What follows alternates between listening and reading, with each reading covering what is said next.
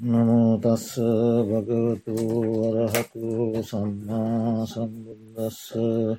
නමෝතස්ස භගවතු වරහතු සම්මා සම්බුද්දස්ස. නමෝතස්ස භගවතු වරහතු සම්මා සම්බුද්දස්ස. කතංචපන භික්කවේ භික්කු චිත්තේ චිත්තානු පස්සී විහරති.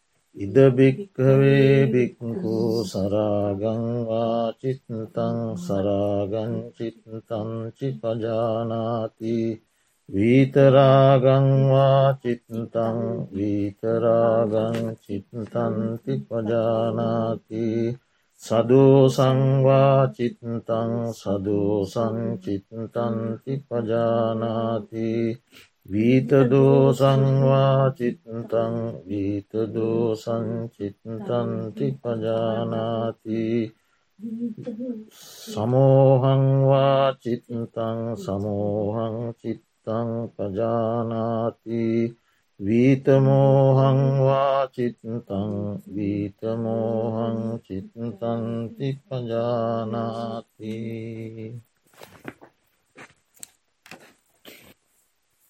මහා සතිපට්ඨාන සූත්‍ර දේශනාවෙහි අද අපි මේ සාකච්ඡා කරන කොටස හරි ගැඹුරු පුළුල් විස්තරාත්මක මනාසේ දතයුතු අවබෝධ කළ යුතු දැකගත යුතු කොටසක්. ඒ චිත්තානු පස්සනා ඒ පිළිබඳව පූර්ණ විග්‍රහයක් කරන්නට මේ අවස්ථාවේ මගේ දැනීමත් පොහොසත් නෑ කියන එක තමයි කියන්න තියෙන. ඒ තරම් මේක බොහොම විස්තරාත්මකයි. නමුත් අපි කෙටියෙන් සලකා බැලුවොත් මහනෙන මේ ශාසනයෙහි භික්‍ෂුතෙම සිතෙහි සිත් අනුව බලමින් වාසය කරන්නේය. එතකොට මේ සිතෙහිම යම් යම් අරමුණු අවස්ථා නිසා විවිධ ස්වරූපයේ සිත් හටගන්නවා. ඒ හටගන්නා වූ වියද ස්වරූපයේ සිත් හඳුනාගෙන දැනගෙන අවබෝධ කරගෙන වාසය කරනවා කියන එකයි මෙහි සරලම අදහස. මේ සිතෙහි සිත් අනුව බලමින්. සිතෙහිම හටගන්නා විවිධ ස්වරූපයේ සිත් බලමින් වාසය කරන. ඒ සිත අනුව බලමින් වාසය කරන භාවනාවයි. ඊළඟට බුදුරජාණන් වහන්සේ එසේ හටගන්නා වූ සිත් දාසයක් මේ දේශනාවේදී ඉදිරිපත් කරනවා. පැහැදිලි කරනවා. දේශනා කරනවා. ඒ මොනවද රාග සහිත සිත සහ රාගයෙන් තොර සිත.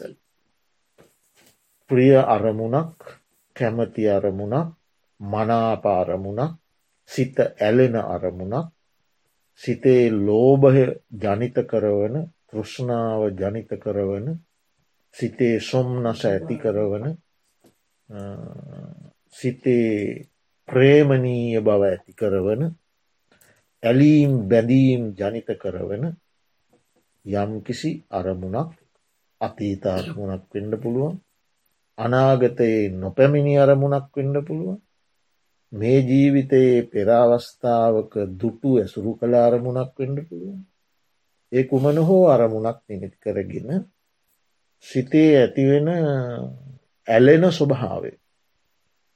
ඒ ඇලෙන ස්වභාවයෙන් යුක්ත වූ සිත රාගසිතා. එතකොට ඒ රාගසිත හඳුනාගෙන මේ හටගත්තේ රාගසිතා. ඒ ස්රාගසිතක් බව මෙනෙහිකොට උපන් උපංක්ෂණයේ මෙනෙහිකොට. සමහරවිට වරක් මෙනෙහි කිරීමෙන් ඒ දුරු නොවෙන්ඩ පුළුවන්. දුරුවී නැවත හටගන්නක් පුළුව. දුර්වී යන රාගසිත ආය හටගන්න. ඒ නිසා උපන් උපන් උපන් උපංශනයහිම ඒවා මෙනෙහිකොට ඒ රාගසිත දැනගෙන රාගසිත දුරු කරමින් වාසය කර. එතකොට වීතරාග සිත රාගයෙන් තොර වූ රාගේ දුරු වූ රාගය යටපත් වූ තුරු වූ කියන්නේ සම්පූර්ණයෙන් දුරුවෙන්න අනාගාමී මාර්ගෙන් ඒ ලෝකෝත්තර සිත් මේ චිත්තානු පස්සනාවට ගන්නේ නෑ මොකද අපි තව ලෝකෝත්තර තත්වයට පත්වෙලා නැති නිසා. අපිට ඒව අනුමානයි. ඒ අපිට ප්‍රත්‍යක්ෂ නෑ. එනිසා මෙතන වීතරාග කියන්නේ රාගය යටපත් වූ රාගයෙන් තොර වූ තදංග වික්කම්බනාදී වසයෙන් රාගේ යටපත් කළ සිත. මේ වෙලා දැන් රාගයක් නෑයි සිතේ. තොට ඒක වීතරාග සිතක් වශයෙන් හඳුනාගන්න. හඳුනාගෙන වාසය කරන. සිතානුව බලමින් වාසය කරන. ඊළඟට සදෝසංවා වීත දෝසංවා. ඊළඟට තවසිත් දෙකක්කේ කියන්න. අප්‍රිය අමනාප අමිහිරි අකමැති නොගැලපෙන ප්‍රිය නොවූ සිත ගැටෙන සිතේ තද බව ඇති කරන නොසන්සුම් බව ඇති කරන ව්‍යාපහාදයට නැබුරු කෝපය ඇති කරවන සැඩ පරුෂ බව ඇති කරවන නොරිස්සුම් බව ඇති කරවන අමිහිරි බව ඇති කරවන යම් අප්‍රිය අරමුණක් නිසා කාමච්චන්ද තම ආගසිත. එතකොට අප්‍රියමනා පමිහි අරමුණක් නිසා හිතේ ඇතිවෙන ගැටෙන කෝපවන නොරුස්සන ස්වභාවය. එහෙම සිතක් හටගත්තම ඒ සිත හඳුනාගන්න. හජානාති දැනගන්න. දැනගෙන මේක දවේශ සහිත සිතා. කියලා ඒ සිත උපන් උපන්ශනයෙහි මෙනෙහි කරන. වාසය කරන. උපන් උපන්සනයෙහි මෙනෙහි කරනකොට ඒ සිත ප්‍රහාණය වෙන. ඒ සිත දුරු වෙනවා. එතකොට එයා ඒ සිතට බැඳෙන්නේ නෑ. ඒ සිතත් එක්ක මිශ්‍ර වෙලා වාසය කරන්න සිත මෙනෙහි කරාම ඒ සිත ඉවත් වෙනවා. එතකොට ඊළඟට වීත දෝස දවේශයෙන් තොර මෛත්‍රී සහගත. මිත්‍ර බව තුළින් හටගත්ත ස්වභාවයෙන් යුක්ත සිත. දේශයෙන් තොර සිත. රහතන් වහන්සේලාට ඉතින් දවේශය හට ගැනීමක් නෑන උන්වහන්සේලා අනාගාමී මාර්ගෙන් දවේශය ප්‍රහාණය කර. නමුත් දැන් ඒ ඒ ලෝකෝත්තර සිත් මේ චිත්තානු පස්සනාවට ගන්නේ නෑ. ඒවා අපිට අනුමාන දේවා. අපි ගන්නේ මේ ලෞකික ජීවිතය තුළ හටගන්නා වූ සිත්. පරම්පරා. එතෝට දැන්මා තුළ තියෙන්නේ වීත දෝස සිතක් දේශයෙන් තුොර. කියලා ඒ සිත හඳුනාගෙන වාසය කර. ඊළඟට මෝහය අරමුණෙහි සැබෑතතු නොදන්න. යථාශභාවය නොදන්න. එතෝට සෑමා කුසල සිතකම මේ මෝහය තියෙනවා. මෝහයන්තුරා කුසල් සිත් නෑ. හරිද සියලුම අකුසල සිත්වල මෝහය යෙදෙන. එතවට නමුත් මෙතන විශේෂයෙන් මෝහසිතක් වශයෙන් ගත්තේ අරමුණෙහි දැඩිව මුලාවන ස්වභාව. එතකොට රාගේ තුළත් අරමුණේ මුලාවීම තියෙනවා. දවේශය සුතත් අරමුණෙහි මුලාවීම තියෙනවා. නමුත් මෙතන විශේෂයෙන් මෝහය තදින් තදින් මෝහ සහගත වූ කියන අර්ථය එවැනි මෝහ සිතක් මුලාවුන සිතක් හටගත්තාම ඒ සිත හඳුනාගෙන මේක මෝහ සහගත සිතක්. ඒ ඒ සිත උපන් උපංශනයෙහි දකිමින් උපන් උපංශනයේ මෙනෙහි කරමින් වාසය කරනකොට ඒ සිත වික්හම්බන වශයෙන් ප්‍රහාණය වෙනවා. දුරු වෙලා යන. එතකොට ඒ සිතත් එහෙම හඳුනාගන්නවා ඊළඟට වීත මෝහ සිත මෝහයෙන් තොර සිත. දැන් ඔය උතන ප්‍රධානසිත් හයක් ගත්ත ඇතකුට. රාග වීතරාග දෝසවීත දෝස මෝහ වීත මෝ. එතෝට මේ සෑම සිතක්ම හටගන්නේ අරමුණක් සහිතව. ඒක අතීත අරමුණක් වෙන්න පුළුවන් වර්තමාන අරමුණක් වෙන්න පුළුවන් අනාගත අරමුණක් වෙන්න පුළුවන්. ඒක හඳුනාගෙන වාසය කරන. ඊළඟට සංකිත්ත වික්කිත්ත එහෙම නේද සංකිත්ත හිත වික්කිත්ත හිත. තවත් සිත් වර්ග දෙකක්. ඔහෙමන දැන් රාග දවේශ මෝහ ඒක විරුද්ධ පැත්ත. ඊළඟට සංකිත්ත වික්කිත්ත. ඒ දෙකත් හඳුනාගන්න. සංකිත්ත කියන්නේ සිත හැකිලිලා. හැකිලුණු සිතා හැකිලුණු සිතා. එතවට සිත හැකිලෙන්නේ පසු බැහැලා. හැකිලිලා. හිත ප්‍රබෝධමත් වෙලා නෑ පිබිදිලා නෑ සිතේ සුන්දරත්වයක් නෑ සිත අලස වෙලා හිත මැලි වෙලා අලස මැලි පසුභාසින හැකිලෙන. එතකොට හිත චේතසෝ ලීනත්තන් කියන් හිත ලීන ස්වභාවයට පත් වෙලා උදාර ස්වභාවයට උසස් ස්වභාවෙන්නෙම නිකන්. ලීන ලීන බව කියන්නෙත් ඒ හැකිලුන කියන අර්ථයම තම එතකොට අරති තන්දි විජබ්බිකා තේ චේතසෝ ලීනත්තන් කියල බුදුරජාණන් වහන්සේ දේශන ඇඟ මැලි කඩන ස්වභාවයන් තියෙන මෙ මැලි කඩන්නේ හිතේ නෑ කිසිම උද්‍යෝගමත්වා උද්දච්චනවේ හිතේ හිතේ හැකිලුණු මේ හිත ප්‍රබෝධමත් නෑ. නිදි බර ගතිය. චේතසෝ ලීනත්තං බත්ත සම්මදෝ බතෙන් උපන් ආහාර ගත්තම් තද වැඩිපුර ආහාර ගත්තම් ඇතිවෙන්නේ නික මත් ස්වභාවයක්. ක්‍රියාත්මක ස්වභාවේ නෑ නික නින්දට බරගතිය ඒවිදේ සිත නිකම් පසු බසන ස්වභාවය හැකිලුණ ස්වභාවය එවැනි එතකොට අරමුණෙහි ප්‍රබලව හිත නැගී සිටින්නේ භාවනා අරමුණකවත් හිත නැගී සිටින්නේ ඒකට ක්‍රියාත්මක වෙන්නෑ සිත. හරියට සිත යොදන්න බෑ. අරමුණට හිත අරමුණට හිත හරියට බැසගන්නේ නෑ හරියට ඇරමුණේ හැසිරෙන්නේ නෑ අරමුණට බැසගන්න බෑ. අරමුණට නගා ගන්න බෑ. නිතරම හිත ආපස්සට අදින ස්වභාවය පසු පසට අදින ස්වභාවය එතෝට එහෙම සිතක් හටගත්තම ඒ සිත හඳුන ගන්නවන මේ තියෙන්නේ මේ හැකුළුණු සිතක් මට. තින් මේ හැකිලුණු සිතේ කොහොමද නිවන් අවබෝධ කරන්න? හැකිලුණු සිතක කොහොමද? සති පට්ටාන වැඩ හැකිලුණු සිතක කොහොමද? බෝධි පාක්ෂික ධර්ම වැඩ කියලා ඒක හඳුනාගෙන ඒ හැකිලුණු සිත මෙනෙහි කරන අරති තන්දි විජම්භිකා චේතසෝලී නත්තං මේ මේ බුදුහාන්දුරෝ දේශනා කළ මේ ස්වභාවයෙන් යුක්ත සිතකුයි මට දැන්තියෙන් කියලා ඒ සිත උපන් උපන්ශනයහි මෙනෙහි කරලා පස්සට අරින් දෙපා මේ බෝම කල්ගත කරන්න දෙපා කියන උපන් උපන්ශනය මෙනෙහි කරලා ඒක දුරු කරලා දාන්න ඒක දුරුවෙන් නැත්තං ඊට පස්සේ ඉතින් වීර්ය චරිත වීරිය වඩපු සෝන මහරහතන් වහන්සේගේ චරිතය චරිත එතකොට මහා කාශ්‍යප මහරහතන් වහන්සේලා ඊළඟට ඒ වගේ වීරිය වැඩපුතුමන් බුදුරජාණන් වහන්සේ වීරිය වැඩපු හැටි ඒව මෙනෙහි කරලා විරිය සම්බෝජ්ජන්ගේ උපදවාගෙන මේ ලීන බව දුරු කරන. එතකොට ඒ හැකිල්ලුණු සිත හඳුනා ගන්න. ඊළඟට වික්කිත්ත චිත්තං වික්කිත්තංවා චිත්තන් ගැන විසිරුණු සිත සිත දැන් විසිරිලා එතෝට හැකිලින ස්වභාවයක් හොඳනෑ විසිරුණු ස්වභාවයක් හොඳනෑ. එතකොට ඒ විසිරුණු සිත කියලා ගැන උද්දච්ච උද්දච්ච සිත.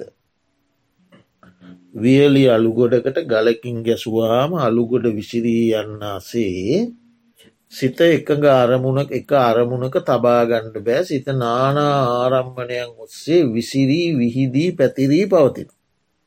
නොෙක් නොෙක් අරමුණු ගන්න. සිත. එකග නෑ අපි දුවනවා කියලා කියන සිත දුවනෝ. එතකොට විසිරුණු සිතක් කියලා හඳුන ගණ්ඩුවන්. දැන් මගේ සිත නොෙක් අරමුණු ඔස්සේ විසිරීගිය සිත.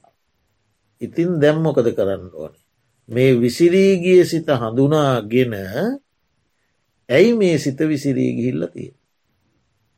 එකට හේතුත් හොයනවනම් හොඳ. ඒක මෙනෙහි කරලා ඉවත්වෙන් නැත්තං උපන් උපන් සනයෙහි විසිරුණු සිත අවබෝධ කරගෙන මෙනෙහ කිරීමෙන් ඉවත්වෙන් නැත්තං ඊට පස්සේ බලන්න ඕන සමහරට වීරිය වැඩිකම නිසා විසිරු. භාවනා අරමුණෙහි වීරිය අධිකයි. වීරයට සමානුව සමාධිමත් නෑහිත. එක පැත්තක් බරයි.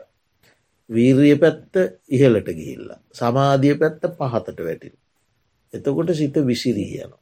එතෙන්දි කරන්න ඕනේ සමාධි පැත්ත වීරිය ගණනට ගණ්ඩෝන සම කරන්න වීර්රිය පහටට ගණ්ඩෝන සමාධිය ඉහලට ගන්න.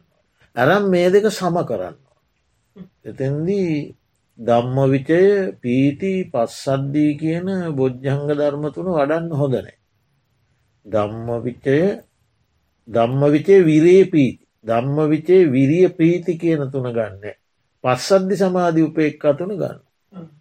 සමාධිය පහතට වැටිලා වීරිය ඉහිරට ගිය නිසාන මේ උද්දච්ච ඇවිල්ල තියෙන විසිරිලා තියෙන. එතැන්දි ගන්නවා පස්සද්ධියයි සමාධියයි උපේක්ෂාවයි. ඒ තුනම හෝ ඒ තුනෙන් එකක්කෝ අරගෙන සිත සම කරනු. උපන්නු පංසනය මේ දුරුවෙන් නැත්තම්. ධම්ම විචය පීති විරිය ඒ තුන ගත්තොත් එහෙම තව තවත් විසිරෙන හේතුව බලන්නේ මේ උද්දච්චයට හේතුවන උද්දච්චයට හේතුව සමහර විටක වීරී වැඩිකම. එතෝට වීරී වැඩිකම ඒ ඊට සමානුව සමාධිය ඇවිල්ලන හරි. එතකොට ධර්ම කරුණුම මෙනෙහි කරන්න මෙනෙහි කරන්න මෙනෙහි කරන්න ගියොත් සිත තවතාව විසිර වීරිය තවතාව වැඩි කරන්න ගියොත් සිත තවතාව විසිර ඒ නිසා කරන්න ඕන කායචිත්ත පස්සද්දිය කායසිත සැහැල්ලු කිරීම. හරි. සමාධිය උඩට ගන්න දවට පස්සද්දි සමාධී. සිත මධ්‍යස්ත කරන දැ සිත එක පැත්තකට බරවෙලා වැඩි කමන්නතිය එතට මධ්‍යස්ත කරනවා. රත්තරං උුණු කරනකොට රත්තරංගෝලට වතුර දාලා නිවෙනවා කියලා පිගෙන ගත්ත. දේශනාව කලින්. රත්තරං නිවනවා රත්තරම් ගින්දර අඩු කරලා. ද රත්තරංගෝලට ගින්දර වැඩි. සිසිල් ජලයෙන් නිවනවා. ඒ වගේ සිත කය සැහැල්ලු කරලා සමාධිය මතු කරලා සිත නිවනවා. මේ දෙක සම කරනවා. මධ්‍යස්ත කරනවා හිත. එතකොට උද්දච්චය ඔන්න උපන්නු පංශනය මෙනහ කරනකොට දුරු නොවෙන්නේ නම් එ හේතුත් බලල අටි වෙන සූත්‍රෝලින් ඒක ගන්න ඕන. අරගෙන ඒ සිත හඳුනාගෙන වාසය කරන වික්ෂිප්ත සිත. තකොට වික්ෂිප්ත බව සමහර විට පෙර කළ අකුසල කරම නිසාෙන්ටත් පුළුවන්. උද්දච්ච කුක්කුච්ච එකට යෙදෙනවන ඒ දෙකම එකටන යොදල කතා කරන්න උද්දච්ච කුක්කුච්ච උද්දච්ච කියන විසිරුණ ස්වභාවය කුක්කුච්ච කියන්නේ කළ අකුසල් පිළිබඳ සහ නොකළ කුසල් පිළිබඳ පසුතැවීම.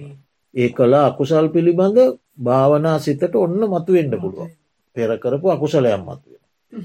සීයට එනවා. සියලට ඇවිල්ල මේ භාවන අරමුණ එහෙම නතර කරලා දාලා දැ ඒ කොස්සේ යනෝ හිත. ඒක ඔස්සේ හිත ගීලා හිත විඩාවට පත් කරනවා සිත විසිරෙන. තොර ඒකත් එක්ක සටනත් තියනවා කරන්න. ඉති ඒකත් එක්ක සටන් කරන්න නිලකට හටන් කරලා අයගේෙන්ඩ ඕන හිත. ඒක තමයි මංකුවේ මේක බොහොම චිත්තානු පස්සනාව කියන එක. ඇතරම ඒ වගේ සිතුවිල්ලක් ආහම ගොඩක් වේදනාකාරී පසුතැවීමට හේත්වන සිතුවිල්ලක් අවම හරි අමාරුයි ඔවු ඒකත් එක් ඉතින් ලොකු මෙහයක් කටන්න ඕන. කරලා ඒක හඳුනාගෙන හඳුනාගෙන හඳුනාගෙන ඒක විදර්ශනා කරමින් ඒක දැන් අතීතයට අදයක් එයින් ඒ ගැන පසු තැවීම නිෂ්ප්‍රයෝජනයි. පසු තැවුණාය කියලා ඒදේ සකස් වෙන්නේ ඒක දැම් මේ ඇති වෙලා තියෙන දුක්ක වේදනාවක්.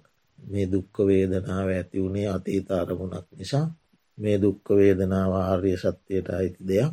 මේ දුක්ක වේදනාව වේදනා චෛතසිකයක් මේ වේදනාව සහිතසිකේ ශය දම්මයක් ඔය දම්මයක් විරාග දම්මයක් නිරෝධ දම්මයක් සමුදේ දම්මයක් ජාති දම්මයක් ඔහොම මෙනෙහි කර කර මෙනෙහි කර කර මෙනෙහි කර කර මෙනෙහි කර කර ඒක ලොකු පරිශ්‍රමයකින් ඒක ඉවත් කරන්න කල්ලයාන මිත්‍රයකින් සමහරවිට සාකච්ඡා කරල මෙහෙම තත්ත්වයක් තියෙන එහෙම. එතකොට ඒ උද්දච්චය හෙමෙන්ඩත් පුළුවන්. සමහරවිට අපිට නොපෙනෙන අතීත කර්මයන් නිසා එන්නත් පුළුව මේ ජීවිතය අපි දන්න අතීත අපෙන් සිදුවනා කුසලයන් නිසාෙන්ටත් පුළුව. අපිට නොපෙනෙන අතීත සංසාරය කුසලයක් නිසාෙන්ටත් පුළුව. ඒ ඉතින් ඒවා දන්න ඒ හේතුව දන්න ඇති වුණාට දැ උද්දච්චයක් ඇතිවෙලා තියෙන බවදන්න. එතකොට ඒකට අදාළ පිළියම් යොදල තොට ඉතින් ගුරුවරු නිසි පරිදි ඒවට අවවාද කරන. ඒ ඒක ඔබහන්සේ ඒවා මේ විදියට මෙනෙහි කරන්න කියලා ඒ උපදේශ ලබාගෙන හෙම උද්දච්ච සිත දුර කරගන්න. එතවට හැකිලිනිසත විසිරුම්. ඒ දෙක. ඊළඟට කෝමද තියෙන්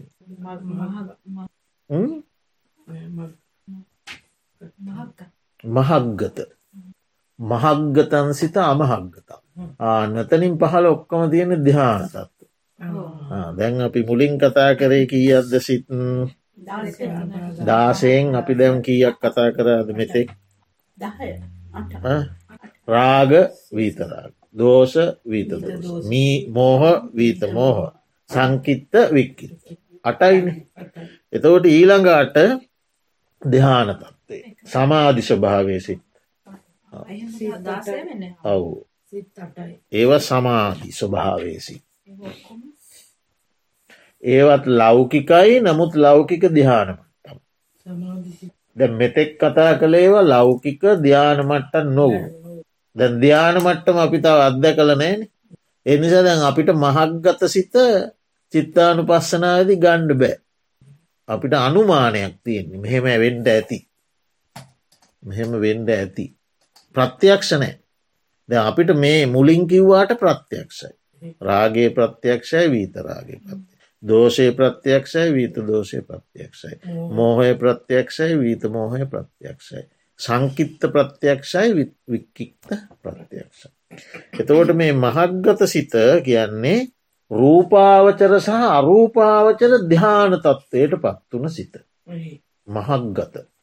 රූපාවචර අරූපාවචර ධ්‍යාන තත්ත්වයට පත් වූ සිත. ඔවු ශ්‍රේෂ්ඨ බවට පත්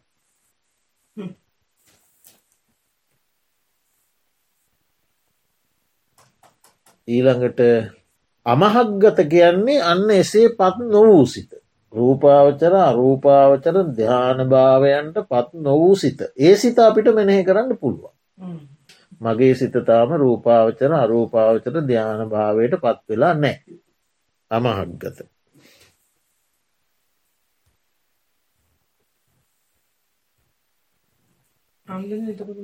විදර්ශනා භාවනා වඩන කෙනෙක් තුළ තියෙන්නේ මේ මහක්කත විදර්ශනාව සමත භාවනා කරනයකටත් එ සමත භාවනාවෙන් නිරූපාවචර රූපාවචර ධ්‍යාන ලැබෙන්නේ. ඒ. ඒ දිහාන පාදක කරගෙන තමයි විදර්ශනාවට බැසගන්න. එකන සමතය පූර්වාංගම කොටගෙන විදර්ශනාව වඩන කෙනා සමතයෙන් රූපාවචර අරූපාවචර දිහාන ලබලා සමට රූපාවචර ධ්‍යානවලිමුත් පුළුවන් අරූපාවචර ධ්‍යානවලට යන්ට ඔන්න ඒ දක්වා ගිල්ල විදර්ශනාවට බැසකන්න. ඊළඟට සෞත්තර සිත් ස උත්තර ස උත්තර සිත් කියල කියන්නේ දැන් අටුවාවේ විදියට කාමාවචර සමාධි රූපාවචර සමාධි දෙකටම කියන. දෙකෙන්ම යුක්ත. කාමාවචර සමාධිකයන් උපචාර සමාධි කියල අපි කතා කරලති. කාමාවචර සමාධ ඔය ඔය ඔය ග්‍රන්ථයේ කොහොමද විස්තර කළ. උත්තරාමාචිත්තන් ඔහු උත්තරං එකඟ වූ සිත ඒ සමාහිත කියනෙක ඔය කියන ඊට උඩින් ඊටත් උඩ බලවත් බවට පැමිණි කියන්නේ මහක්ගත දැන් ඔය ග්‍රන්ථය අනුව මහක්ගත කියන්නේ බලවත් බවට පැමිණි. අටුවාවේ කියන්නේ රූපාවචර අරූපාවචර දයා. බලවත් බවට පැමිණියා කියන රූපාවචර අරූපාවචර දිහාන බවට පත් මහක් ගතයි. රූපාවචර අරූපාවචර දිහාන බවට මහක් ගතයි. ශ්‍රේෂ්ඨත්වයට පත් කියන සෞත්තර සෞත්තර ස උත්තර. උසස් බවට කියන එකන. ශ්‍රේෂ්ඨ බවට උසස් බවට පත්. දට අටුවාවේ කියන්නේ ශ්‍රේෂ්ඨ බව උසස් බව කියන්නේ කාමාවචර සහ රූපාවචර සමාධ. දෙකම ගණ්ඩ පුළුවන්. කාමාවචර සහ රූපාවචර සමාධ. එතකොට ඒක මේ වගේ ආපස්සට විශාව ඒවා පහළ වෙන්න මොකද වැරිය ලෝකෝත්තර නෙවේ ඒක තම හාමුදුරේ දෙවිදත්ත විච්චර මේ මේ සිත්තිබිලා ඕ ලෝකෝත්තර සිත්නෙමේ ඕක්කෝ ලෞකික. ලෞකික සිත්. එතකොට ධ්‍යාන ධ්‍යානක ඇන්නද ලෞකික ලෞකිකයි. එතනේ ධ්‍යාන කියවට ඕන වෙලාවක වටෙන්න්න පුළුවන් වැටෙන්න ඒකන දේව ධ්‍යාන ලාබී ධ්‍යානලාබී ආර්ය ශාවකය වැටෙන්නේ. ධ්‍යාන ලබලා ආර්ය භාවයට පත් නූ ආර්ය භාවට පත් නොවූ අය තමයි වැටෙනවා. පිරිහෙන්ඩ පුළුව. ධ්‍යානෝලින් ආර්ය භාවයට පත්වන ශ්‍රාවකයුන්ගේ වැටීමක් නෑ. එතකොට අනුත්තර ස උත්තර ඊළඟට අනුත්තර. ඒක කෙලසුන්ගේ මිදුණු සිතද ස්වාමීන් නෑ. සෞත්තර ස ශේෂ්ඨත්වය ළඟට ඊළඟට මොකක්තිය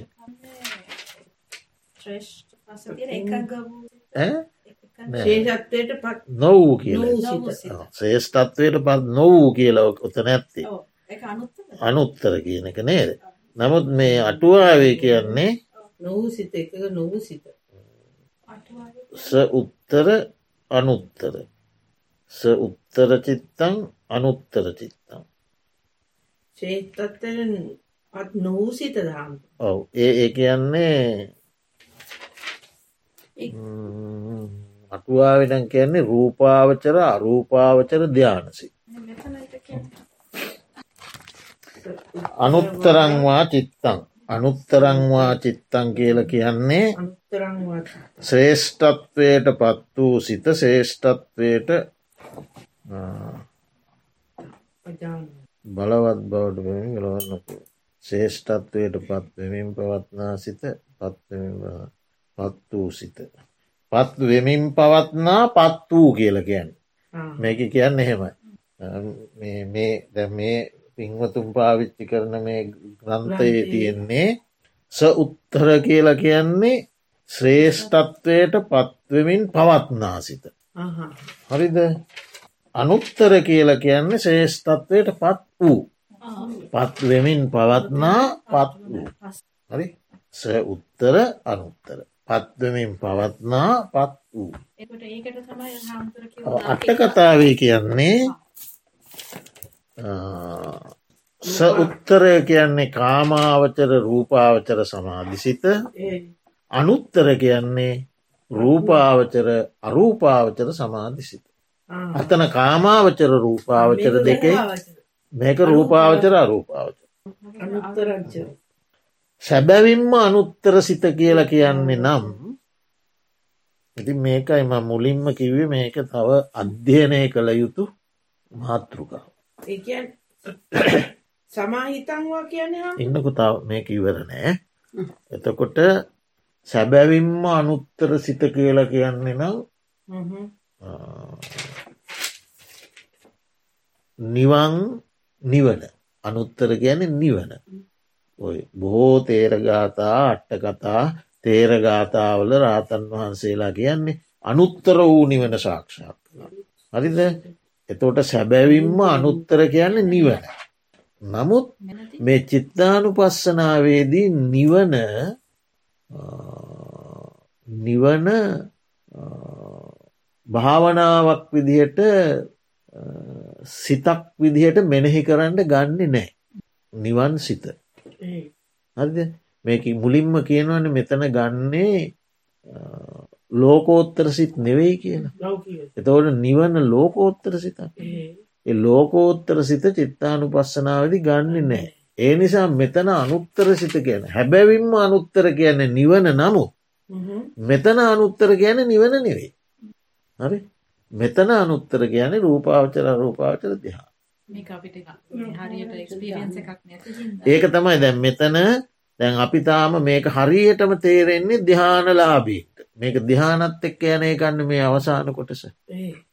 ධ්‍යානලාබීන් තමයි මේ චිත්තානු පස්සනාවේදී ධ්‍යානසිත් ධ්‍යානසිත් දැන් ගොල්ලො දන්නවනේ ගොල්ලු ධ්‍යාන ලබලනේ එතකොට දැන් එයා තමයි ධ්‍යාන සිත චිත්තානු පස්සනාවේදි විදර්ශනා කරන්න. අපිට කරන්න බෑනේ. අපිට ඒක ප්‍රත්‍යයක්ෂ නෑන. දැම් මට පුළුවන්ද ප්‍රථමධ්‍යාන සිත ප්‍රත්‍යක්ෂ කරන්න? මන් ලබල නෑ.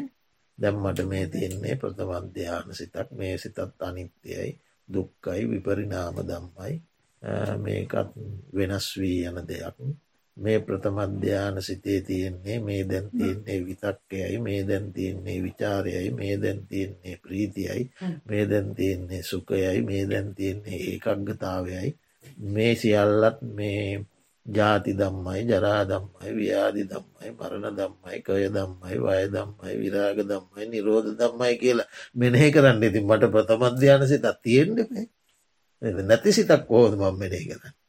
පැහැදිලිද ඒ නිසා දැම් මේ මෙතනින් පහළ ඒවා දෙහාන මට්ටමටාවම තමයි චිත්තානු පස්සනාවට ගන්නේ දැතුට අපිට ගණ්ඩ පුළුවන් මොනවද? රාගසිත වීත රාගසිත දවේශසිත වීත දවේශසිත මෝහසිත වීත මෝහසිත සංකිත්ත සිත වික්කිත්ත සිත ඊළඟට අමහක්ගත අමහක්ගත කියන්නේ ධ්‍යාන මට්ටවට පත් නොවූ. පත් නොවූ.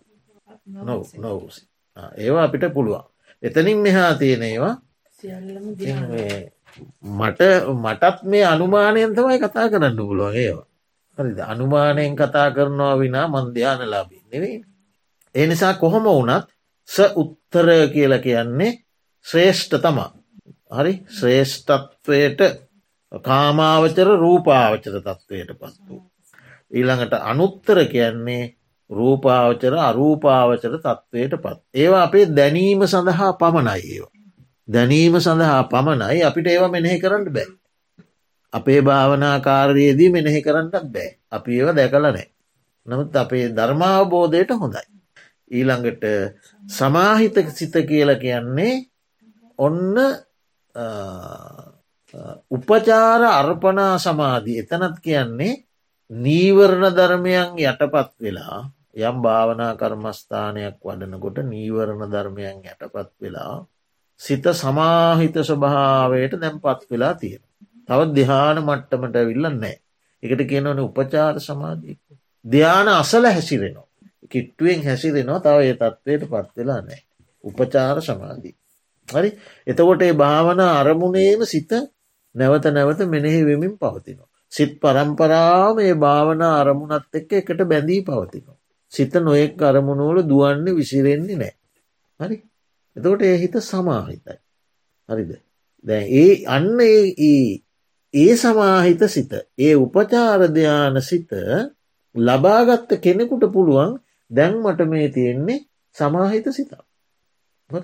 මේක සමාහිත සිතා. එයාට පුළුවන්ගේ සමාහිත සිත විදර්ශනාවට නංවන්න. එකත් චිත්තානු පස්සනාවේ එක් මෙනෙහි කිරීම සමාහිත සිත. එතවට සමාහිත කියන වචනයට අයිති ඊළඟට ධ්‍යානත්. එකඟ වෙලානි සිත එකඟයි සමාහිතයි සමාධිමත්. ඒ සමාධිය උපචාර වෙන්න පුළුවන් අර්පනාවෙන්න. උපචාර කියන්න ධ්‍යාන මට්ටමට පත් නොවූ සමාධියක්. නීවරණයට පත් වන සමාධිය. අර්පනා සමාධිය ගැන ධ්‍යාන මට්ටවට පත් වූ සමාධිය. එතවට මේ සමාහිත කියන වචනයෙන් උපචාර සමාධිය ගැනත් කියනවා අර්පනා සමාධිය ගැනත් කිය. එතකොට ඒ සමාහිත දැම්මට තියෙන සමාහිත සිතා. ඊළඟට අසමාහිත සමාහිත නොවූ සිතා. දැන් එතකොට ඒක ඔන්න අපිට අල්ලන්න පුළුවන්. අසමාහිතයි. මගේ හිත උපචාර අර්පනා කිසිම සමාධයක් නෑ. අසමාහිත සිතා. ඕ නීවර නොක්කෝම තියන මේ සමාහිතනෑ. භාවන අරමුණේ සිත එකඟ වෙන්න බුද්ධ නුස්තිය වඩනව කෝ සිත එකඟ නෑ අසමාහිතයි. ඒක මට මෙනේ කරන්න පුළුව. ඒකමන් දකින එක මේ සිත අසමාහිත. ඊළඟට අසමාහිත අසමාහිත සිතක් අසමාහිත සිතක් අසමාහිත සිතක් අසමාහිත සිතක් අසමාහිත සිතක් කියලා ඒක මෙනෙහි කර. මෙනෙහි කරලා දුරුවෙන් නැත්තං ඒ උපන් උපං ෂණයේ මෙනෙහි කර. ඒමත් දුරුවෙන් නැත්තං මේ සිත අසමහිතවීමට හේතු විමසනවා. ඇයි මේ මේ මොකද මේ අසමහිත. සමහරිට අසමහිත වෙන්න හේතු තියෙනවන හේතු විමසනවා. පුද්ගල ආශ්‍රය හේතුවෙන් අසමහිත වෙන්න පුළුව. ප්‍රදේශය නිසා අසමාහිත වෙන්න පුළුව. නොගැලපෙන ආහාර ගැනීම නිසා අසමාහිත වෙන්න නිසි පරිදි නින්ද නොලැබීම නිසා සමාහිත වෙන්න පුළුව. වෙනත් රෝග පීඩාවක් නිසා අසමාහිත වෙන්න පුළුව. ඇයි මේ අසමාහිත වෙලා තියෙන අද මගේ සිත. පැරණි අරමුණක හිත එල්බ ගැනීම නිසා අසමාහිත වෙන්න පුළුව. පරණ පුද්ගලයෙක් කෙරෙහි ඇතිවුණ මනසිකාරයක් නිසා අසමාහිත වෙන්න. ඇලෙන අරමුණක ගැටෙන අරමුණක සිත එල්බැහීම නිසා අසමාහිත වෙන්න පුළුවන්. ඒ අසමාහිත වුණ ස්වභාවෙන් බලනවා ඇයි ඇයි මේ අසමාහිත ඊළඟට අසමාහිත සිතේ ස්වභාවය බලන. ඔවු සිතේ සිතේ ස්වභාවේ දැම් මේ අසමාහිත වෙලා තියෙනවා. ඒකින් මේ සිතේ තියෙන්නේ සැලීම පීඩාකාරී වේදනාව එකඟ බවක් නෑ ඒම බලනවා. ඒ එහෙම බලලා ඒ අසමාහිත බව දුරු කරගන්න. ෂණයක් ෂණයක් පාසා මෙනෙහි කරලා දුරුවෙන් නැත්තං එකට හේතු බලලා හෝ ඒ අසමාහිත හිත දුරු කරගන්න. ඉතින් මේවා මේ පොතෙන් ඉගෙනගන්නවට වඩා පොතින් ඉගෙන ගන්න එකත් හොඳයි. ඒ භාවනා කරන කෙනාම තමයි ප්‍රායෝගකයෝ ඒක දකිින්ට දැන්ගොන්න හිත අසමාහිතයි ඇයි මේ අසමාහිත වෙලා තියෙන මොකොද මේ? මේ බවුණේ එ හේතු විමර්ශනය කරන ඒකට අවශ්‍ය උපදේ සත ලබාගෙන සමහරවිට හිත ප්‍රසන්න කරලා නෑ හිත මේ වෙලා ප්‍රසන්න කරන්න මේ අසමාහිත දුරු කරගන්න නම් හිත ප්‍රසන්න කර ඔන්න හිත ප්‍රසන්න කරන සූත්‍රයක් බලන. සිත ප්‍රසන්න කරන සූත්‍රයක් සජ්්‍යායනා කරන. හරි.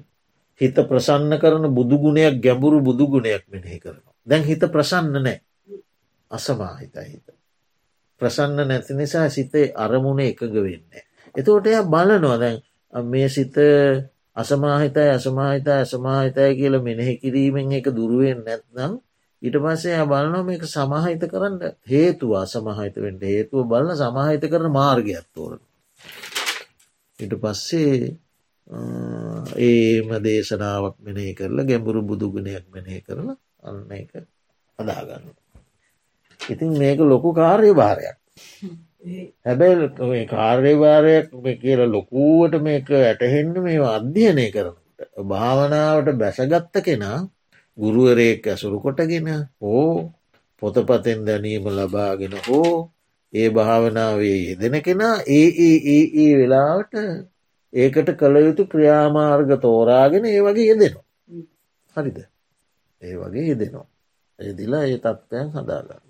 ඊළඟට මොකක්ද කියන්නේ විමුත්ත සිත සහ අවිමුත්ත සිත.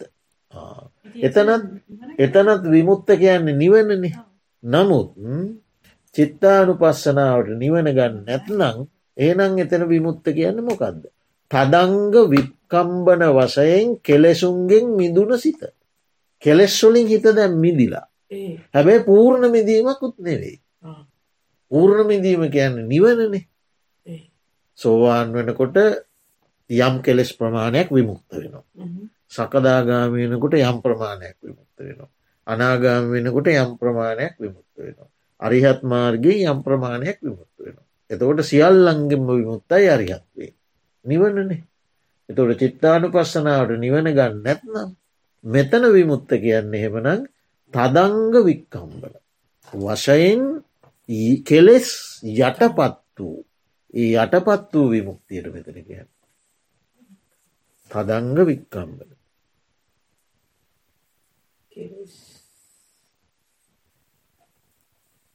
හාමුදුරදර මේ ආර්ය ශ්‍රාවකෙක් තුළ මේ තදංග ප්‍රහාණයට ආර්ය ශාවකෙක් විය යුතුම නෑ. දිහානලාභියෙක් විය යුතුමත් නෑ තදංගට වික්කම්බන ධ්‍යානවලින් තදංග ප්‍රහාණය කියල ගැන්න දැන් අපි ගමනක් යනකොට අපිට ජලාසයක් කම්පෙන් අපිට හරි පිපාසේ අපිට දාහය ඇඟ දැවෙනවා. රශ්නයෙන් ඇඟ දැවෙනවා. එතකොට අපිට හම්වෙනවා ජලාශයක් ඒ ජලාසේ පාසිවලින් පිරිලා පාසි පිරිලා පාසි පිල්ලා කියලා අපි ප්‍රයෝජන නොගෙනන්නේ දෝතින් පාසි අයින් කරලා. තදංග කියන්නේ ඒ මොහොතේ. ඒ මොහොතේ නැති කරන ඒ මොහොතේ කෙලෙස් නැති කර ඒ මොහොතේ ක්‍රේෂයන් යට පත් කරන වික්කම්බන වික්කම්බනය කරනවා ගැන්න ඊට වඩා තද බල ලෙස යට කර ඒ දිහානමට තොට ඔන්නේ විමුත්ත සිත. ඊළඟට අවිමුත්ත සිත කියල කියන්නේ තදංග වික්කම්බන වශයෙන් මිදු නොමිදුුණු සිත. ඒක අපිට ඕයක අපිට පුළුව අපිට නොමිදුුණු සිතන්න තදංග විමුක්තියත් පුළුවන්.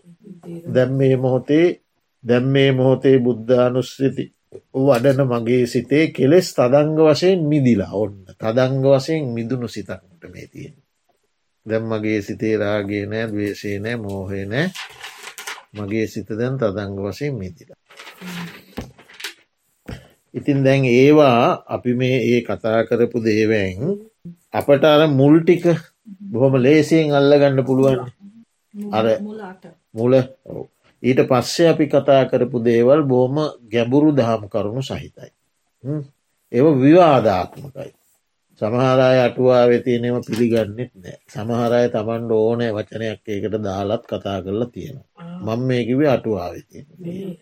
හරි එතකොට ඒ වචනයේ අර්ථය විතරක් දාලත් තියෙනවා. ඒවා විවේචනය කරන්නෙත් නෑ මම ඒ ඒක මට අදාළ නෑ. මම කියල දුන්නේ මේ අට්ට කතාවල තියෙන විදිිය. නමුත් අපිට මේ දාසයෙන් ප්‍රධාන වශයෙන් මුල්ලට අපිට අත්දකින්න පුළන් ප්‍රත්‍යක්ෂයි. ඒ ප්‍රත්‍යක්ෂ තත්ත්වය අපි බලන්න පුරුදු කර ගන්නවා. ඒ ඒෂණයේ ඇතිවෙන රාගේ ඇතිවුණොත් රාගේ වීතරාගී තත්ත්වය ඇතිවුණොත් වීතරාගී දෝෂ වීත දෝෂ මෝහ වීත මෝහ ඊළඟට සංකිත්ත වික්කිත්ත. ඒ තත්ත්වයන් සහ. ඊළඟට උසස් බවට මහත් බවට පත් නොවූ ධ්‍යාන නොලැබූ සිත. එකත් පුළුවන්නේ නේද. ධ්‍යාන බවට පත් නොවූ සිත දැන් අමහක්ගත ඊළඟට සමාහිත නොවූ අසමාහිත සමාහිත නොවූ සිත. අවිමුත්ත ඒ වගේ ඒ ඒ මොහොතේ ඇතිවෙන ඒ සිත ඕවට නම් නෙමේ වැදගත්වෙන්නේ. සිතේ ස්වභාවය ස්වභාවේ. නම කියල කියන්නේ ප්‍රඥ්ඥප්තියක්. හරිද? දැම් මට සමිත සිරි කියල වෙන කියන්නතු වෙන නමක් වන ඒ නමින් මවාදුනන් මට කවුරු හරි නමත් තිබ්බනම් දම්මාලංකාර කියලා. කවුරුත් මට සමිත සිරි කියන්නේ මේ කෙස්සොලට අපි කෙස්කිව්වට සුද්දු කෙස් කියන්නේ නේගොල් හයා කියන ඒව නම්නේ. නම් නෙමේ ප්‍රශ්න මෙතන තියෙන් හිතේ ස්වභාවය හඳුනාගෙන ඒ ඒ ස්වභාවයන් මේක ධ්‍යාන සිතක්ද ධ්‍යාන නෝ සිතක්ද? සමාහිත සිතක්ද අසමාහිත සිතක්ද? දවේශ සිතක්ද දේශයෙන් තොර සිතක්ද? හැප්පෙන සිතක්ද හැප්පෙන්න්න නැති සිතක්ද? ගැටෙන සිතක්ද නොගැටෙන සිතක්ද? හැකිල්ලිනු සිතක්ද නොහැකරුණු සිතක්ද? වීර්ය අවශ්‍ය පමණ යෙදුන සිතක්ද වීරිය යෙදුනේ නැති සිතක්ද? එතකොට මේක තියෙන්නම් මෙතන නැති නම් වුනත් දැම් ප්‍රමාදයට බර වූ සිතක්ද ප්‍රමාදයට බර නොවූ සිතක්ද? දැහෙම වචනයක් මෙතන නෑ. නමුත් ඒ ස්වරූපයේ ඒ දැන්තියෙන්නේ ඒ ශෝරූපයන්න අපිට ඒ ශෝරූපය ගන්න පුළුව දැම් මගේ සිත ප්‍රමාදයට බර වෙලා මේතිය දැම් මගේ සිත මේ ආහාරයට ගිජු වෙලා. ඕ මේක දැන ගැනීම හොඳයි වචනයට වඩා වැදගත්වෙන්න හිතේ ස්වභාවය. හිතේ ස්වභාවය. ඒ ස්වභාවය හඳුනාගෙන ඒ ස්වභාවය මෙනෙහි කරලා භාවනා වඩනකොට එවැනි ස්වභාවයකට පත් වූ සිතක් ඇති වෙලා භාවනා අරමුණෙන් සිත පිට පැන්නහම හරිද? ඒ හිතේ ස්වභාවය බලන. බල්ල එක මෙනෙහි කරන අපි කියමුක ආනාපාන සතිය වැඩමින් ඉන්නකොට ඔන්න හිත විසිරෙනවා එතෝට දැන් වහාම හඳුන ගන්නවන මේ අර අර වචනය වචනයට වඩා වැදගත් වෙන්නේ ඒක හඳුන්වන නමට වඩා වැදගත් වෙන්නේ එස්වභාවේ ඔන්න මගේ හිත දැන් විසිරිලා. දැම්මට තියෙන්නේ මේ විසිරුණු සිතක්. විසිරුණු සිතක් විසිරුණු සිතක් විසිරුණු සිතක් කියලා හඳුනාගෙන ඒ හඳුනාගන්න වූ සිත මෙනෙහි කරාම විසිරුණු බව දුරු වෙලා යන. දුරු එහෙම උපන් උපන්සනයේ විසුරුණු බව මෙනෙහි කරද්දිත් දුරුවෙන්නේ නැත්නම් විසුරුණු බවට හේතු සොයෙන. ඇයි මේ විසිරුණේ. හරි ඒ හේතු සොයලා ඒකට පිළියමක් යොදනු. එහෙමනේ කියන්න එනිසා වචනෝල එල්බ ගැනීම නෙමේ සිතේ ස්වභාවේ. එතවට මේ විදිහට මේ චිත්තානු පස්සනාවෙහි යෙදෙනකොට එයා විජානන ලක්කනය දැනගන්න. විජානන ලක්කන. විජානන ලක්කනය දැනගන්නවා කියන්නේ දැන් අපිට සාමාන්‍යය මෙහෙමන වෙන්නේ. නෑ නෑ නෑ දිහානයක් නෙවෙයි. විජානන ලක්කනය දැනගන්නවා කියන්නේ අපි සාමාන්‍යයෙන් අරමුණ වල දැනගන්න මෙහෙමනි. එක්කෝ අපිට අරමුණු පෙනෙනවා. එක්කෝ අපිට අරමුණු ඇසෙනවා. එක්කෝ අපිට අරමුණු දැනෙනවා. ඔය ටික නෙවෙන්නේ. ඇසෙනවා පෙනෙනවා දැනෙනවා. හරි පෙනෙන්නේ කොහෙන්ද? ඇස් දෙක උපකාරය. ඇහෙන්න කොහෙන්ද? කන් දෙක උපකාරය. දැනෙන්න කොහෙන්ද? දැනෙන්නේ නාසයයි දිවයි කයයි මනසයි උපකාර. ඇස් පෙනෙනවා ඇසෙනවා දැනෙනවා. පෙනීම ඇසීම දැනීම. හරි? අන්න ඒකන ලක්ෂණ. විජානන ලක්ෂණ. දැනගන්නා ලක්ෂණ. දැනගන්න ඔය ක්‍රම තුනට. එක්කෝ අපි පෙනීමෙන් දැනගන්න. එක්කෝ අපි ඇසීමෙන් දැනගන්න. එක්කෝ අපි දැනීමෙන් දැනගන්න. පෙනීමෙන් දැනගන්නවා ඇසීමෙන් දැනගන්නවා දැනීමෙන් දැනගන්න. ඒ දැනීම ගඳ සුවද දැනෙනවා. රස දැනෙනවා. ස්පරසය දැනෙනවා. සිතුවිලි දැනෙනවා. මේක පෙනෙනවා. මේක ඇසෙනවා. මේක දැනෙනවා. හරි එතකොට එයා ඔන්න විජානන ලක්ෂණය දන්නවා දැන්නේ. මේ සිත් පහළ වෙන්න විජානන ලක්ෂණන්. ඇසීමෙන් පෙනීමෙන් දැනීමේ. ඔබ ද මලකුණකට ඔය තුනවනෑ විජානන ලක්ෂණ නෑ. ඇහෙන්නෙන්නෑ පෙනෙන්නෙන්න දැනෙන්නේ. එතකොට දැන් ඔන්න ඔය සතිපට්ට චිත්තානු පස්සනාවේ තියෙන එක ලක්ෂණයක් එතකොට එයයි විජානන ලක්ෂණය දැනගන්න මේ සිත් පහළ වෙන්න මේ විජානන ලක්ෂණ. ඔවු. සලායතනයෙන් තමයි. එතකොට ඇසීමෙන් පෙනීමෙන් දැනීමෙන් දැනගන්න විජානනය ඊළඟට පුබ්භංගම රස. පුබ්භංගව රස. ඒවත් ඔය චිත්තානු පස්සනාවට අයිති. රස. පුබ්භංගම රසය. පුබ්භංගම රසය කියන්නේ දැම් මේ අපේ ඇතිවෙනවානේ භාවනා වඩනකොට සිතුවිලි රාග සිතුවිලි. වීත රාග සිතුවිලි. දවේශ සිතුවිලි. වීත දෝෂ සිතුවිලි. එකන මෛත්‍රී සිතුවිලි. මෝහ සිතුවිලි. මෝහයෙන් තොර සිතුවිලි. ආදී සිතුවිලි හටගන්න. චෛතසික ඒව සිතේනෙ හටගන්නේ. තොට සිතේ හටගන්නේ චෛතසිකනං ඒක චිත්තානු පස්සන නෙවෙයිද සිතත් එක්කන එක තියෙන් චෛතසික හටගන්න නියපොතුවල නෙවෙයි කෙස්වල නෙවෙයි චෛතසික හටගන්න හිතේ. හරිද එතෝට මේ පුබ්භංගම රසය කියලා කියන්නේ මේ සියලූම චෛතසිකයන්න මේ හිත පෙරටු යන. මනෝ පුබ්බංගමා දම්ම. සිත පෙරටුක යන්න නැති චෛතසිකයක් නෑ. මේ සියලුම චෛතසිකයන් හෙත පෙර හිත පෙරටුව යනවා. සිත නිසා තමා එතකොට මේ චෛතසික ඇති කරන්නේ ඊශ්වරයෙක් බ්‍රහ්මයෙක් දෙවියෙක් මාරයෙක් කියන දෘෂ්ටියෝලිංය මිදෙනවා. හරිද මේ මේ මහා බ්‍රහ්මයාට ඕනෑ විදිට හටගත්ත රාගයක් තල්ලාට කැමති විදිහටයි මේ රාගීමට ඇතිවෙලා තියන්නේ වගේ දෘෂ්ටියෝලිංගය මිදෙනවා. සිත මුල් සිත පෙරටුව යනවා ගෙන අවබෝධය හුට ලැබෙන. හරිද. මේ සිත් ඇසීමෙන් දැකීමෙන් දැනීමෙන් හටගන්නවා කියෙන අවබෝධයහුට ලැබෙන. මේ සියලූම නාම ධර්මයන්ට සිත පෙරටුව ගමන් කරනවා කියන අවබෝධයහුට ලැබෙනවා. ඒ ඒ ලක්ෂණය හුට වැටහෙනවා. හරිද ඊළඟට කියනවා සන්දහන පච්චු පට්ටාන තව වචනයක් තියෙන. සන්දහන පච්චු පට්ටාන. සන්දහන පච්චු පට්ටාන ඒ කියන්න. එකකට පසු එකක් එකකට පසු එකක් එකකට පසු එකක් පවතින චිත්ත සන්තතියක් මේ සන්තතියක් තියෙන සිත් වැලක්. පරම්පරාව කියන අවබෝධය හොට එනවා. චිත්තානු පස්සනාවෙන් හෝ ඒකත් අවබෝධ කරගන්න එතවට ප්‍රතිසන්ධි විඤ්ඥානය සිට චුතිචිත්තය දක්වාම සිත් පරම්පරාවක් නොකඩවා කියන අවබෝධය. ඊළඟට නාමරූප පදට්ටාන. නාමරූප දෙකක්. නාමරූප පදට්ටාන. ඒ ඒ සිත්වලට අයිති චෛතසික ධර්මතිය. ඒ සිත්වල යෙදෙන චෛතසික ධර්ම. නාම ධර්ම. ඒ ඒ සිත්වලට අයත් නාම ධර්ම. සහ ඒ සිත් හටගන්නේ සිත් නිකං හටගන්න මෙතන ඔහෙ සිතක් නෑන. සිත් හටගන්නේ රූපයක් ආශ්‍රය. කොළ. මොනවද රූපය?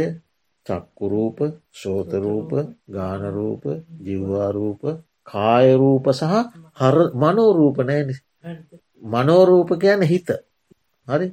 එතකොට ඒ මනෝරූප කියන්නේ මනෝමය කියන සිත හටගන්නේ මේ මේ මෙතන නෑන හිත. එක හටගන්නේ චක්කුරූප සෝතරූප ගානරූප ජිව්වාරූප කායරූප සහ හරදරූප කියන රූපයන් ප්‍රත්්‍යය කොටගෙන. රූපයන් ඇසුරු කොටගෙන. තමයි මේ නාම ධර්ම නාම ධර්මයන් හටගන්න. නාම රූප. නාම කියන්න වේදනා සංඥා චේතනා ස්පර්ස මනසිකාර. වේදනා සංඥා චේතනා ස්පර්ස මනසිකාර. නාම ධර්ම. අරමුණට නැමෙන අරමුණ හඳුනන චෛතසික චිත්ත චෛතසික. ඒ ධර්ම ඒ චිත්ත චෛතසික ධර්ම හටගන්නවා රූපය ප්‍රත්්‍යය කොටගෙන. රූපය ඇසුරු කොටගෙන තෝට දැම් මේ මනුෂ්‍ය ජීවිතයක් කියන්නේ මේ නාම ධර්ම සහ රූප ධර්ම සමූහය මම කියන්න කවුද ඇස කණ නාසේ දිව හරදේ රූපය සහ මනස මනසේ සිතුයි. ඇස කණනාසය දිවකය හරදරූපය සහ මනසත් සිතුවිලි. හරදය රූපය ඒ දැන් ඒ වනාට දැන් ධර්මය උගන්නනුවනේ හද අස්සිතන් කියලා. හදය ඇසුරු කරගෙනලු සිත පවතින්. අබ අභිධර්මය විතරනම සූත්‍රවලත් වස්තු රූපය. ට හදය ඇසුරු කරගෙන. දොට ඇස කණනාසේ දිවකාය සහ හරද රූපය. හරි සහ මනසත් සිතුවිලි. ඒකන ඒක තමයි මේ මම කියලා කියන්නේ. මම දිමුතු හරසි කියලා ඔය කියන්නේ ඒක තමයි. අපි මම කියන අපි මේ ගොඩ ගොඩනගාගෙන ඉන්න මේ නාම රූප පදට්ටානය නාම රූප සම්මිස් එකතුවක්. එතවට චිත්තානු පස්සනාවේදී ඒ චිත්තානු පස්සනාව වැඩෙනකොට මේ නාමරූප පදට්ටානයක් අවබෝධ. ති ඔය හතර විජානන ලක්ෂණය පුබ්බංගම රසය සන්ධාන පච්චු පට්ටාන නාමරූප පදත්තාන. ඉතින් චිත්තානු පස්සාව නිකං ඔය තියෙන විදිහට වඩා එහාට යන දෙයක් ගැඹුරුයි. නමුත් ඒගෙදී අපි කලබල විය යුතු නෑ. සිමින් පටන්ගන පියවරෙන් පියවරට යනකොට ඒවා තමන්ටම ඉතින් දැනේවී යම් දවසක. දැනෙන තත්ත්වයක් ඇතිවේවි. ඒ නිසා ඒ වගේදී ගැඹුරු වැඩී කියලා ලොකු මේකක් ඇති කරගත යුතු නෑ ඉතින් ඒක ඉවරනෑ තව ඊට පස්සේ චිත්තානු පස්සනාව විදර්ශනා කාන්දේ තියෙන ඔවු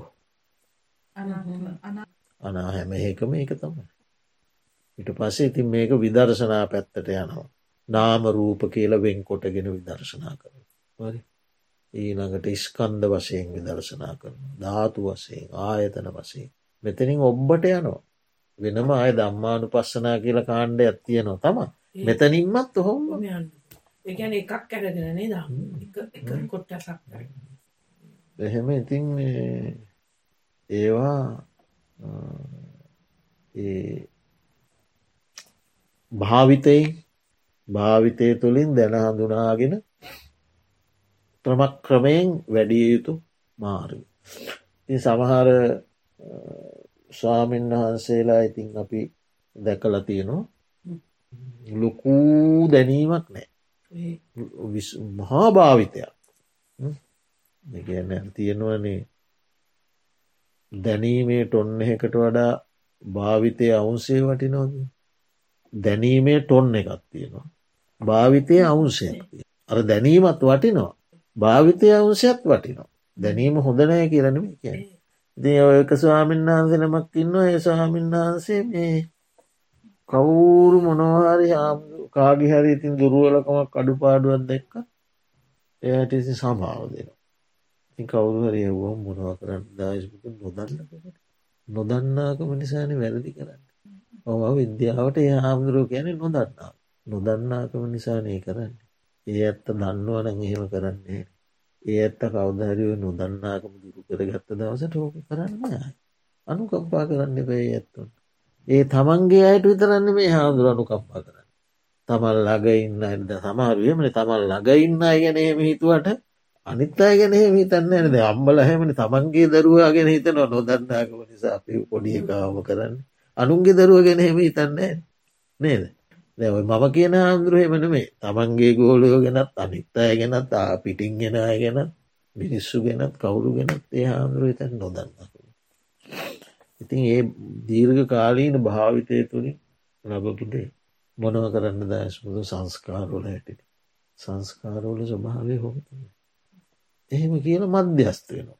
සංස්කාර කියලා කියන්න සංස්කාරෝල හැටිනේ ඉතින් එහෙම ඉතින් ඒවා මේවා ක්‍රමාණුකූලෝ වෙදීගෙන යනකොට හිතේ ඒ අවබෝධය ඇති වෙනකොට මේවා නාමරූප දෙකක් කියලා දැනගන්නකොට මේවා ඉස්කන්ද කියලා දැනගන්නකොට මේවා ධාතු මේවා ආයතන මේවා සත්වයෙක් නෙමේ පුද්ගලයෙක් නෙමේ හේතු ප්‍රත්තියෙන් හටගන්නේ කියලා දැනගන්නකොට ඒගොල්ලු එහෙම මිදෙනවා. අපි තාමිදිල නැත්තේ අපි මේවා තාව ඉතින් හිතාගෙනන්නේ මමය වාගේ මටය නාන ප්‍රකාර අපින්නේ ඒ නිසා අපි මිදිල නෑ මිදෙන් මිදුනාය අරමයි.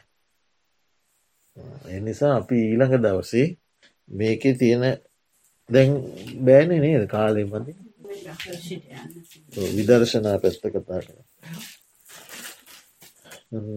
මොනහරි ඒ ගැන දැන් තියෙනවන් මොකුත් අහන්ඩ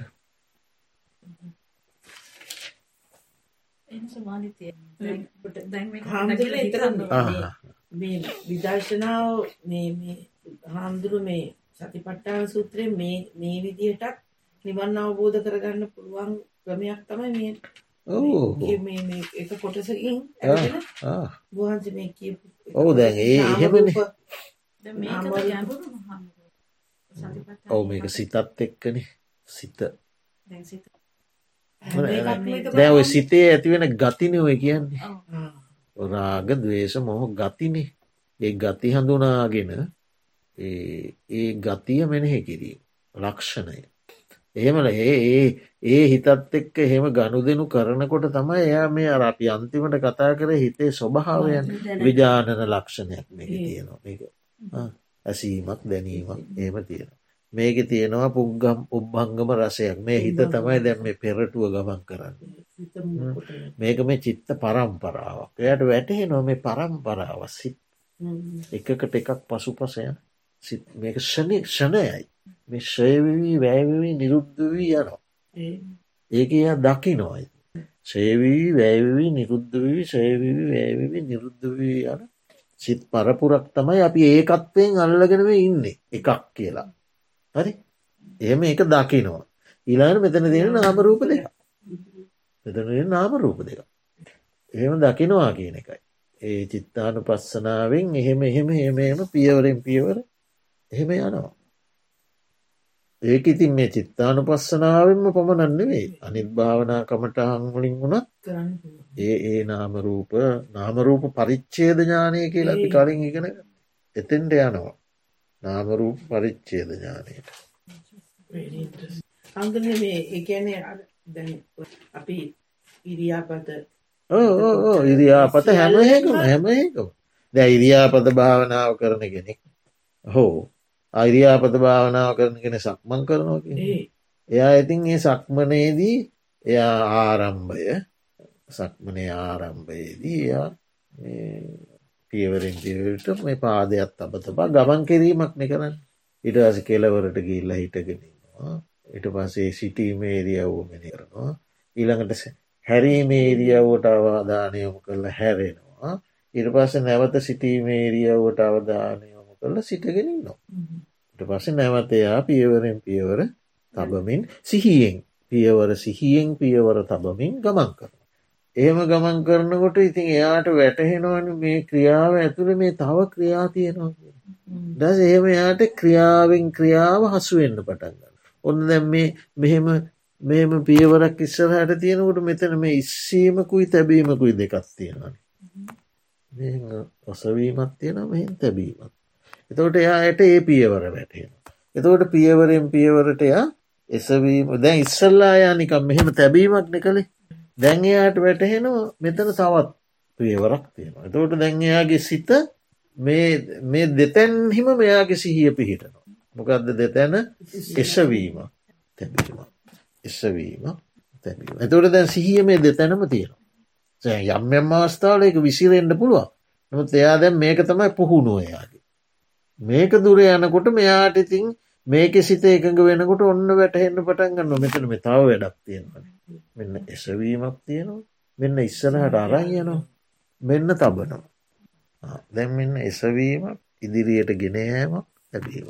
එයා ඒක දැන් එයා ඒ තුන් තැනම එයාගේ සිත සිහිය වැඩ කරනවා. තුන් තැනේ. මෙහෙම මෙහෙම ඒකේ තව හිත ඔහොම පුරුදු කරගෙන යනකොට ඔන්න දැන් එයාගේ හිත බොහෝ එක ගයිද මේ ක්‍රියාවේ හිත සමාධිම. එතෝට දැන් එයාට වැටේනවා දැන් මෙන්න තවත් වැඩක් තියෙනවා කෙරෙනවා මෙතන. ඒක බලෙන් කරන්න බෑ. බලෙන් කරන්න යුතු වැටෙන්න්න යනවා. එයාට වැටහෙනවා. එසවීමක් තියෙනවා යැවීමක් තියෙන මෙන්න පහත් කිරීමකුත් තියෙන පහත් කිරීමක් තැබී ඕන දැ තැන් හතරේදීම සිහිය එකඟ බව ඔක්කොම වැඩ කරනවා. සතියක් තියෙනවා එකඟ බවත් තියෙනවා. ඒ ඔක්කෝගෙම නැවත නැවත දෙන්න වීරියත්ය දෙනවා මේ මාර්ගය පිළිබඳ විශ්වාසයති කියන සද්ධාව තියෙනවා. මේ හැමතැනම මේ එසවීමේදී සවීම යැවීමේදී යැවීම ඉවරයි. අන්නේ දකින ප්‍රඥාවත් තියෙනවා. එතෝට දැම් මේ මේ ඔසවනකොට මෙතන සද්ධාවත් තියෙන වීරියත් තියෙන සීයත් තියෙන සමාධයක් තියෙන ප්‍රඥාවත් තියෙන පහම තියෙනවා. එතකොට මෙතන කැමැත්ත තියෙනවා වීරිය තියෙනවා සිත තියෙනවා වීමන්සාාව තියෙනවා. එතකොට ඉතින් ඒ බලකොට මේ ඔසවනකොට සත්තිස් බෝධි භාක්ෂික දරුව ආයාට දැන් එහෙම එහෙම තාව ඉතින් මේක පියවරවල් තියෙනවා. ඊළඟට සිත් එයාට සිත් වැටහෙන්න පටන් ගන්න. සිත් ඔසවන්නේ ඔසවන්න සිතක් මුල් වෙලා. ඔසවන සිත එසවීම. යවන සිත යැවීම. පහත් කරන සිත පහත් කිරීම. තබන සිත තැබීම.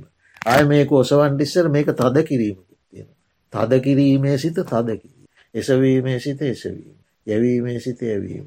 පහත් කිරීමේ සිත පහත් කිරීම. තැබීමේ සිත තැබීම තද කිරීමේ සිත තද කිරීම ආයසවීම එතකොට දැන්යට සිතුත් වැටේනවා. එතෝට දැන්යාට වැටෙනවා සිත නාම ධර්මය මේ නාම ධර්මයත් එක්ක දැම් මෙතන මෙතන අටගන්නවා වේදනා සංඥා සංකාල විඤ්ඥාන මේ ඔක්කොම රු නාම ධර්ම. මේ සිතත් නාම ධර්මය මෙතන හටගන්න වේදනාව සංඥාව හඳුනා ගැනීම. චේතනා මෙතන හටගන්වය චේතනා මෙතන හටගන්න විඤ්ඥාන ඒ ඔක්කොම නාම ධර්ම. මේ නාම ධර්ම ඇසුරු කරගෙන පවතින්නේ මේ ඇසකන්න නාසේ දිවකායසා හරදය වස්තුව නම් වූ රූපය ඇසුරු කොටගෙන මේක රූප ධර්මය. එතෝට දැම් මෙතන වැඩ කරන්නේ නාම ධර්මයක් සහ රූප ධර්මය. නාම ධර්මයක් සහ රූප ධර්මයක් මමෙක් නෙවෙයි. එතකොට ඒ නාම ධර්මයක් අනිත්‍යය දුක්කයි අනාත්මයි ශයදම්මයි වයදම්මයි විරාග දම්මයි නිරෝද්ධම්මයි ජාති දම්මයි ජරාදම්මයි මරණ දම්මයි සෝක දම්මයි සංකිලේස දම්මයි අවබෝධ කළ යුතු දහමක් ප්‍රත්‍යක්ෂ කළ යුතු දාමක් ප්‍රහාණය කළ යුතු දහමක් දුරු කළ යුතු දහම මෙතනම නිවන. ඒකන මට එක සාමීන් වහස මට තව එහෙම අවබෝධ වෙලා නෑ එක සාමීන් වහන්සේ නමම් මට කිව්වා මේ අත දිගෑරලා මේ නමනකොට නිවන තියෙනවා. පුළුවන්න ගල්ලගන්න කිව.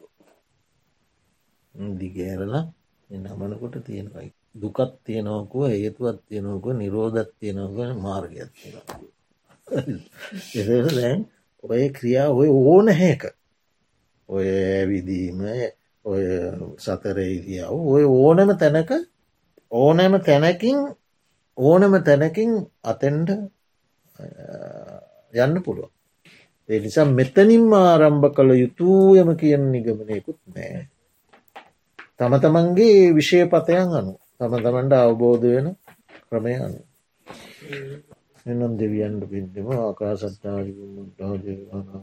රාජකම් රක්කන්තු ශාසනං කිරන් රක්කන්තු දේශනං කිරන් රක්කන්තු මම් පරන්ති ඉත්තාවතාජම්මෙහි සම්පතම්ප සම්පතන් සබ්බේ දේවානු මෝදන්තු සබ්බේ පෝතානු මෝදන්තු සබ්බේ සකානු මෝ සම්බද්ධ දෙයක්